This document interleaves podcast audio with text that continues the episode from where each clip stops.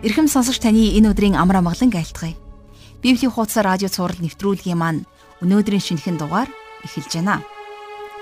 Тэгэхээр бурхан өөрийн ард түмнийг сахилгажуулахын тулд өөр харь үндэстний боолчлолт эхлээд хойд Израилийг өгч. Энэ бүхнийг харсан өмнөд Юда улс уг нь энэ жишээнээс сурах боломжтой байсан. Харин Юда үндэс угсаа итгэл нэгт ах дүүсийнхээ алдаанаас суралцсангүй А тийм учраас эзэн бурхан ард түмний бүхлээр нь сахилгажуулалтанд өгсөн. Өнөөдөр Исая номноос энэхүү Библийн боловсрал олгох хичээл бэлтгэн хурж байгаагийн гол шалтгаан бол Израильчүүдийн түүхээс суралцаасаа гэсэн хүслээр юм а. Иргэн тойронд ч болж байгаа үйл явдал танд тохиолдохгүй гэсэн баталгаа байхгүй. Тиймээс Библийн түүхүүдээс суралцах амьдралын олон бартаа саадыг эзэн бурхны өгөх хүч чадал мэрэгэн ухаанаар даваарай. Ингээд өнөөдрийн хичээл донд эзэн танд үгээ хэлэх болтугай. Амен. Хамтдаа залбирая. Эзэн бурхан минь, таньда энэ цагийн төлөө талархал өргөн залбирч байна. Энэ өдөр бид таны үгийг судалж, таныг улам илүүгээр таньж мэдхийг хүсэж байна. Өнгөрсөн түүхийн туршид таны үйлдэлсэн тэр бүхий л агуу үйлсээр дамжуулан бид сургамж авч өөрсдийнхөө амьдралыг таны үг таны хүслийн дагуу удирдан жолоодохыг хүсэж байна. Тиймээ бурхан минь та бидний амь амьдралд сургамж болсон тэрхүү үгээ иш үзүүлгээ синхруулгийн үгсээ зарилгаа бидэнд хэлээч. Таны үгийг улам илүүгээр ойлгохын тулд ариун сүнсээрээ та энэ цагийг удирдаарай. Бүх зүйлийг танд өргөж эзэн Есүсийн нэрээр залбирanгуйлаа. Амен. Ингээд хамтдаа жаргал ах шиг хичээлд анхаарлаа хандуулцгаая.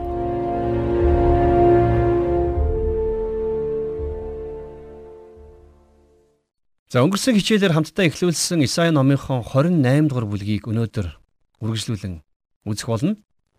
Ингээд 28 дугаар бүлгийн 5 дугаар ишлэлээр өнөөдрийнхөө хичээлийг эхлүүлцгээе.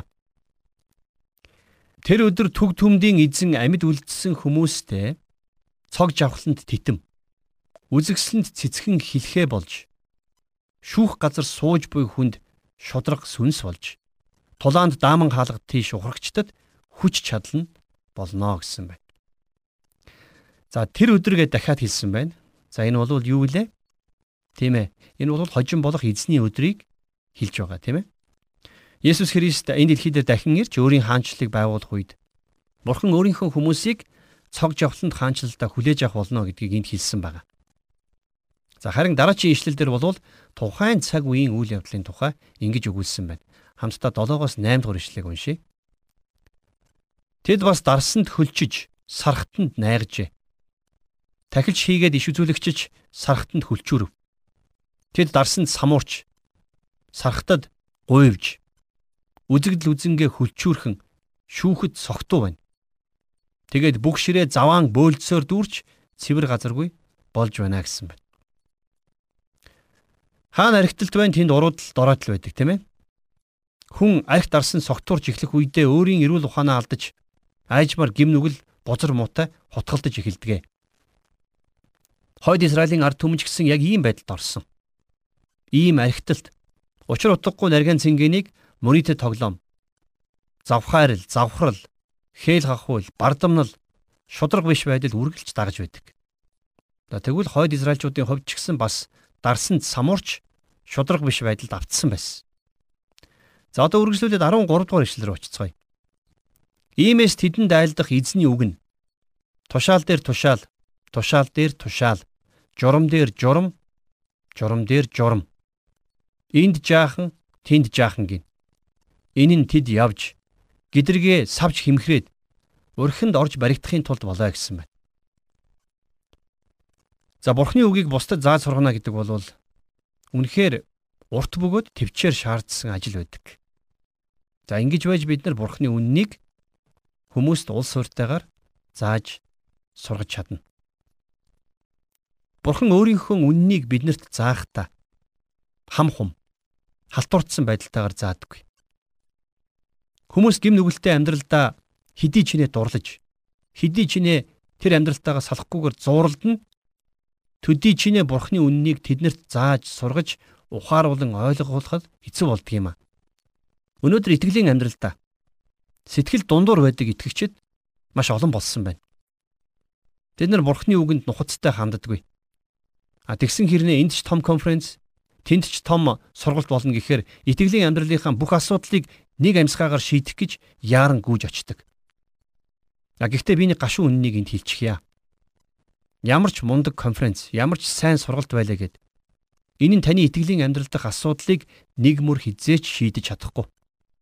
Итгэлийн амьдралдаа амжилттай амьдрах ямар нэгэн нууц жор, амар хялбар арга дүт зам гэж байдаггүй маа.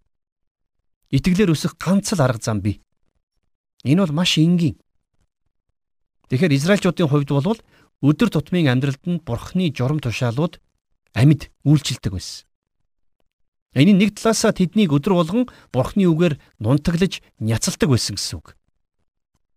Бүхэл мах махны машинд ороод гарч ирэхдээ ямар болдог вүлээ? Бид нар ч гэсэн бас бурхны үгийн машинд орж бурхны үгээр хэлбэрших ёстой. Энэ бол нэг удаагийн алхам биш. Энэ бол бидний амьдралын насан туршийн үйл явц. А гэтэл Израильчуудын хувьд бол Бурхны тэрхүү тушаал зааврыг тэр дараа гэж үзсэн. Тэд нар хошоо ухарсан. Өнөөдөр ч гэсэн маш олон итгэгчид яг ийм байдалтай байдаг. Тэд нар бусдаас сул дорой учраас биш харин тэд нар Бурхны үгэнд цаг гаргадаг учраас тийм байдалтай байгаа юм а. Хэдийгээр чихэнд таатаа сонсогдохгүй байж болох ч гэсэн Тушаал дээр тушаал, тушаал дээр тушаал. Журам дээр журам, журам дээр журам. Бурхан ингэж л бидэнд үгээ гүн бат суулгаж өгдөг. Ингэж байж хэмээж л бид нар итгэлийн амьдралдаа өсч төлөвшдөг. 14 дугаар ишлээс харъя. Тиймээс Иерусалим дахь энэ ард түмнийг захирагч, шооч, ирчүүдээ эзний үгийг сонсох тун. Хойд Израильчуудын дээр буулгах гэж байгаа бурхны шийтгэл нь өмнөд Юда улсад сэрэмжлүүлэг болох учиртай байсан. Өөрөөр хэлэх юм бол Ефраим нь Иерусалим сургамж болж байсан бол Иерусалим өнөөдөр та биднэрт сургамж болж байгаа юм аа. 16 дугаар ишлэлдэр Тиймээс эзэн бурхан үзэг түн би Сионд нэгэн чулууг шалгагдсан үнэт бат суурлуулсан суурийн булан чулууг тавина. Түүнд итгэгч нь үл твднэ гэсэн байна. За эндээс харахад ойлгомжтой байна. Энд гарч байгаа шалгагдсан үнэт бат суурлуулсан чулуу болвол Есүс Христийг хэлж байна. Есүс Христэд итгэгч найдагч нь үл твднэ гэж Исая тодорхой хэлжээ. За тэгвэл энэ тухай бас Петр өөрийнхөө бичсэн анх дугаар захидлын 2 дугаар бүлгийн 6-аас 8 дугаар ишлэлдэр хэлэхдээ Хэдийгээр та нар идүгэ төр зуур шаардлагатай бол элдвийн сорилтонд зовсон ч үүндээ үлэмж баярладаг. Ингэснээр итгэлийн чин шалгуур галаар шалгагдах мөхөх алтнаас ч илүү үнэтэй байж Есүс Христийн илчлэлээр магтаал алдар хүндэтгэлд хүрэх юм. Та нар түүнийг хараагүй ч түүнийг хайрладаг. Идэггүй та нар түүнийг харахгүй байгаа ч түүнд итгэдэг. Та нар хэлхийн аргагүй алдраар дүүрэн баяр хөөрөөр ихэд баярлдгаа гэж Петр сэтгэл хөдөлгөм хэлсэн байна. Тэгэхээр Петрийн энд тэрхүү булангийн чулуу бол Есүс Христ мөн гэдгийг батлан тодорхой хэлжээ. 17 дугаар ишлэгийг одоо уншийе. Би шудраг ёсыг химжих шугам болон үнэн зөвийг төвшин болгоно. Худлын хорогдох газрыг мөндрөөр арчин нууц газрыг усаар урсгана. Тэгэхээр бурхан өөрийнхөө шүүлтийг гарцаагүй буулгах болно гэдгээ энд хэлж байна. А гэхдээ нөгөө талаасаа бол энэ шүүлт аажим аажмаар бууна гэдгийг бас Исая тайлбарлан хэлжээ. Өнөөдөр ч гэсэн бурхны шүүлт аажмаар буух болно. Бурхны шүүлт гинт ирэх шүүлтээс ч ноцтой. Яагад гэвэл тэрхүү шүүлтийн үйл явцыг хүмүүс тэр болгон анзаарахгүй. Харин нэг л мэдхэд тэд нар ор мөргүй урссан байх болно гэсэн. 20 дугаар ишлэгийг одоо харъя. Сунаж хөвтөгт нь орон хит богино. Хучхад хүнжлэн хит нарийн ажээ. За та ер нь богинохон хүнжил нөмөрч унтаж үзсэн үү? Шургаад унтыг гэхээр хөл гараад. Хөлөө хучхаар цээж гараад байдаг шүү дээ. За эсвэл хит нарийнхан юм нөмрөөд унтах гэвэл бүх би илүү гараад нөмөрч болдог. А нөгөө талаас та богинохон орон дээр унтаж үзсэн үү? Нэг бол хөл унжаад эсвэл толгоо илүү гараад байдаг шүү дээ. Тэгээ ийм орон дээр заавал атиж унтах хэрэгтэй болдог. Ингиж унтах үнэхээр тухгүй байдгийг бид нар бүгдээрээ л мэднэ. А тэгвэл бурхан энд би та нарт богиноор нарийнхан хүнжил өгнө гэж хэлсэн байна. За энэ ямар утгатай юм бэ гэхлээр зэрэг Юудагийн дээр буулгах шүүлтийг тэд нар тухтай унтаж чадахгүй болох үе ирнэ гэдгийг хэлж байгаа. Үнэхээр бурхны энэ шүүлт аажмаар биелэлээ олсоор 100 жилийн дараа гэхэд Юда Вавилон руу цөллөгт явсан байдаг. 25 дугаар ишлэлдэр тэр газрын гадаргыг тэгшлэг ногоон гонд тарьж гонд цацдаггүй гэж юу? Тэр буудаг игнээгэр арвайг газарт нь хөц будааг талбай дээр нь тарьдаг биш үү? За энд болохоор зэрэг бурхан төрөл бүрийн тариа буудаг хэрхэн өөр өөрөөр тарьдаг тухай өгүүлж байна. За ямар санаа илэрхийлэх гээд байна вэ гэхлээр улс үндэстэн за хүн болгоны зам мөр бурхны өмнө өөрөөр байдаг юма гэдгийг тодорхой хэлжээ.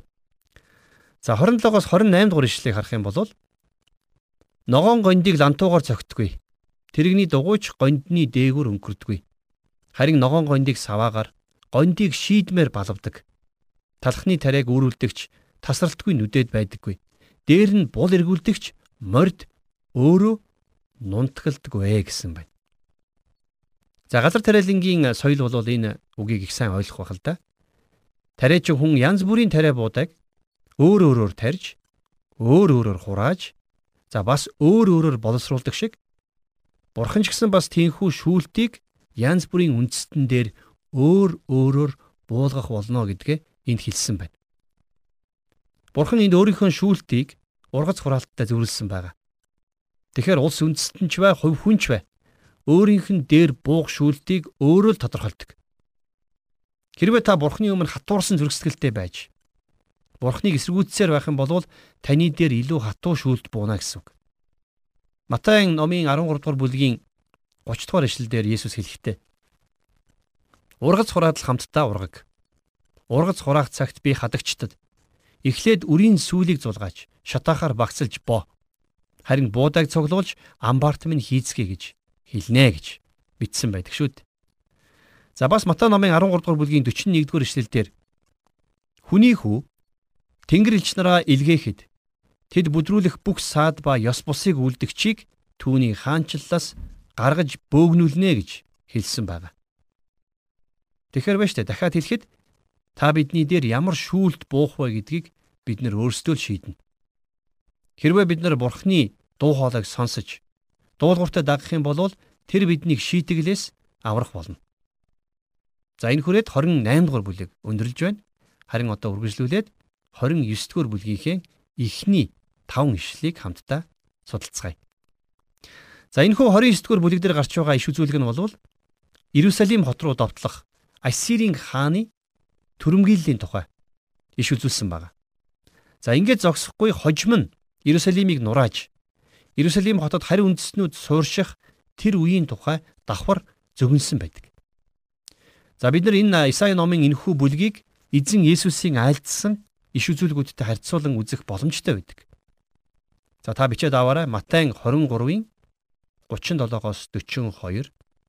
За Лукийн 13-ын 34-өөс 35 за мөн 21 дугаар бүлгийн 20-оос 24 дугаар ишлэлүүдийг бид нар Исаи номын 29 дугаар бүлэгтээ харьцуулан үзэх боломжтой байдаг.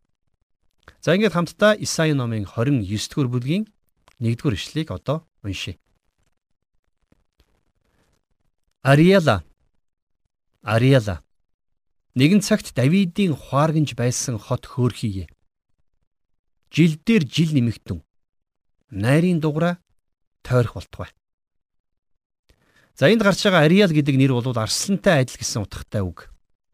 2 дугаар Самуэль номын 23 дугаар бүлгийн 20 дугаар ишлэлдэр Ихоядагийн хүү Биниян Кабзелийн агуу үйлстэй зориг дайчин бөгөөд Моабын Ариалын хоёр хүүг цохиж алсан хүн байваа гэж бичсэн ишлэл байгаа.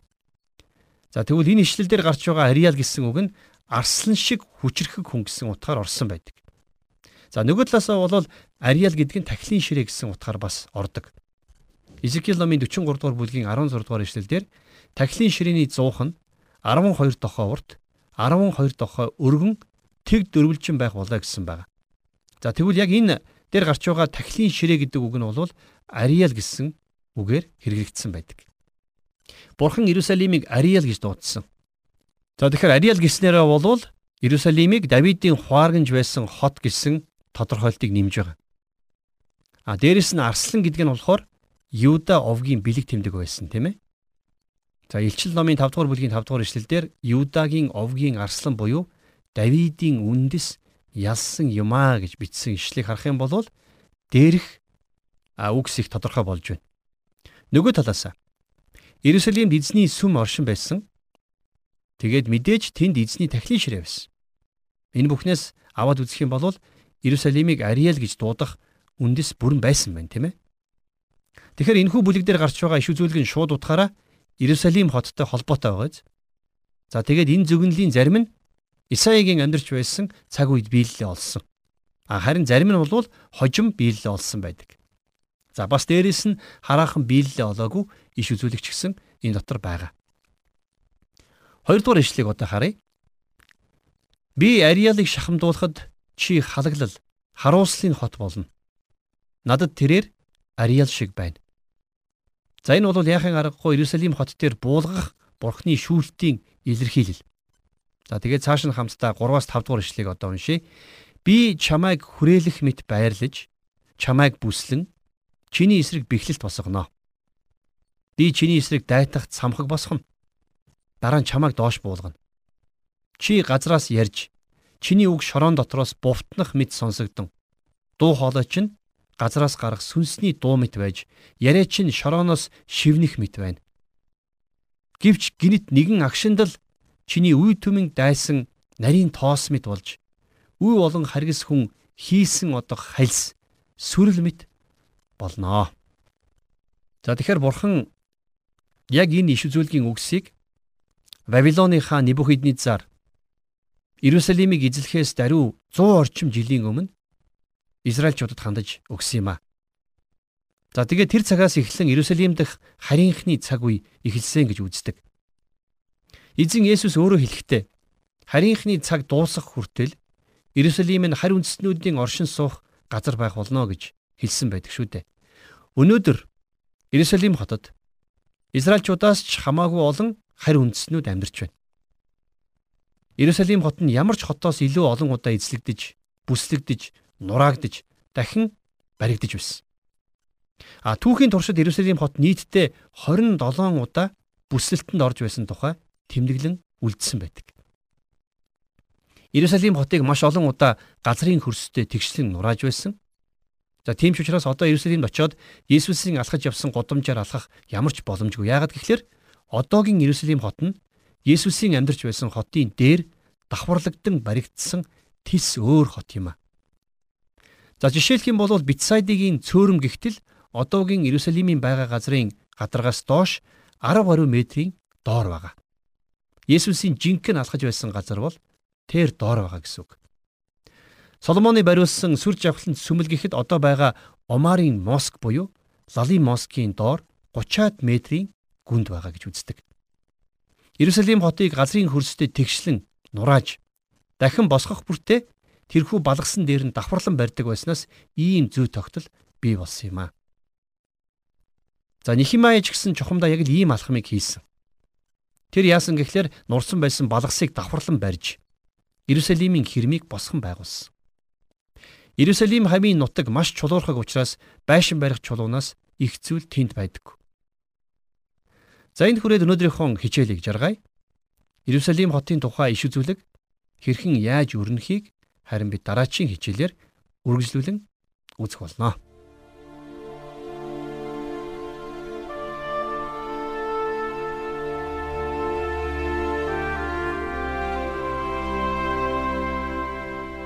Өнөөдрийн хичээлээр бид нэгэн гайхамшигтай түүхийг мөн синхруулыг сахилгажуулалтын үгсийг бид хамтдаа уншиж судаллаа. Өнөөдөр бидний хамтдаа уншиж судалсан Исаягийн бүлэг бол Исаяд 28 дугаар бүлгийн 5 дугаар ишлэлээс 29 дугаар бүлгийн 5 дугаар ишлэлийг дуустал хамтдаа уншиж судалсан байгаа. Хичээлийг зааж тайлбарлаж өгсөн жаргал агштаа баярлалаа. Тэгэхээр хажууд алдсан жишээ байсаар хахад ингэж алдах гэж гэж Израильчуудыг бодхоос өмнө харин бид өөрсдийнхөө амьдралыг эхлээд харцгаая өөрийнхөө нүдэнд байгаа дүнзийг харахгүй байж бусдын нүдэнд дэх үртсийг харж шүүх хэрэг бидэнд байхгүй. хойд Израильчүүдийн дээр Бурхны буулгасан шүүлт нь тэдний гаргасан алдааг давтуулахгүй тулд өмнөд Юудачуудад өгсөн Бурхны сэрэмжлүүлэг байсан. Гэтэл өмнөд Юудэ буюу Ерүсалим дээр Бурхны буулгасан шүүлт нь өнөөдрийн итгэгч бидний хувьд сэрэмжлүүлэг юм. Бид Бурхны өмнө даруй байж, Бурхны өмнө гим нүглээ улааж, Бурхны үг болон түүний хүслээс зууран амьдрах үед Бурхны шүүлтийг биш, харин Бурхны ивэл өрөөлийг хүртэх болно. Өнөөдрийн хичээл маань энэ хүрээд өндөрлөж байна. Эзэн бурхан таныг ивээх болтугай. Амен. Дараагийн хичээл хүртэл өнөөдөр сонсон сурсан болгоныхоо төлөө бурханд талархаж түүнд залбирлыг өргөж гуйцгаая. Бурхан эзэн минь таньда баярлалаа аваа. Та бидэнд энэ цагт өөрийнхөө үгийг өгч бидэнд сургамж сэрэмжлүүлгийг өгсөн учраас таньда талархаж байна. Израильчууд таны өмнө дуулуургүй байж танаас шийтгэлийг авсан шиг бид ч гэсэн дуулуургүй зөрүүд байхаас та биднийг хамгаалж өгөөрэй. Таны өмнө бидний зүрх сэтгэл даруй байхын тулд ариун сүнсээрээ өдрө болгон биднийг ятгах бидэнд өөрийнхөө хүслийг сануулж өгч байгаач. Эзэн бурхан минь та бидний амь амьдралыг ариун сүнсээрээ удирдаарай. Бүх зүйлийг танд өргөж эзэн Есүсийн нэрээр залбирanгуйлаа. Амен.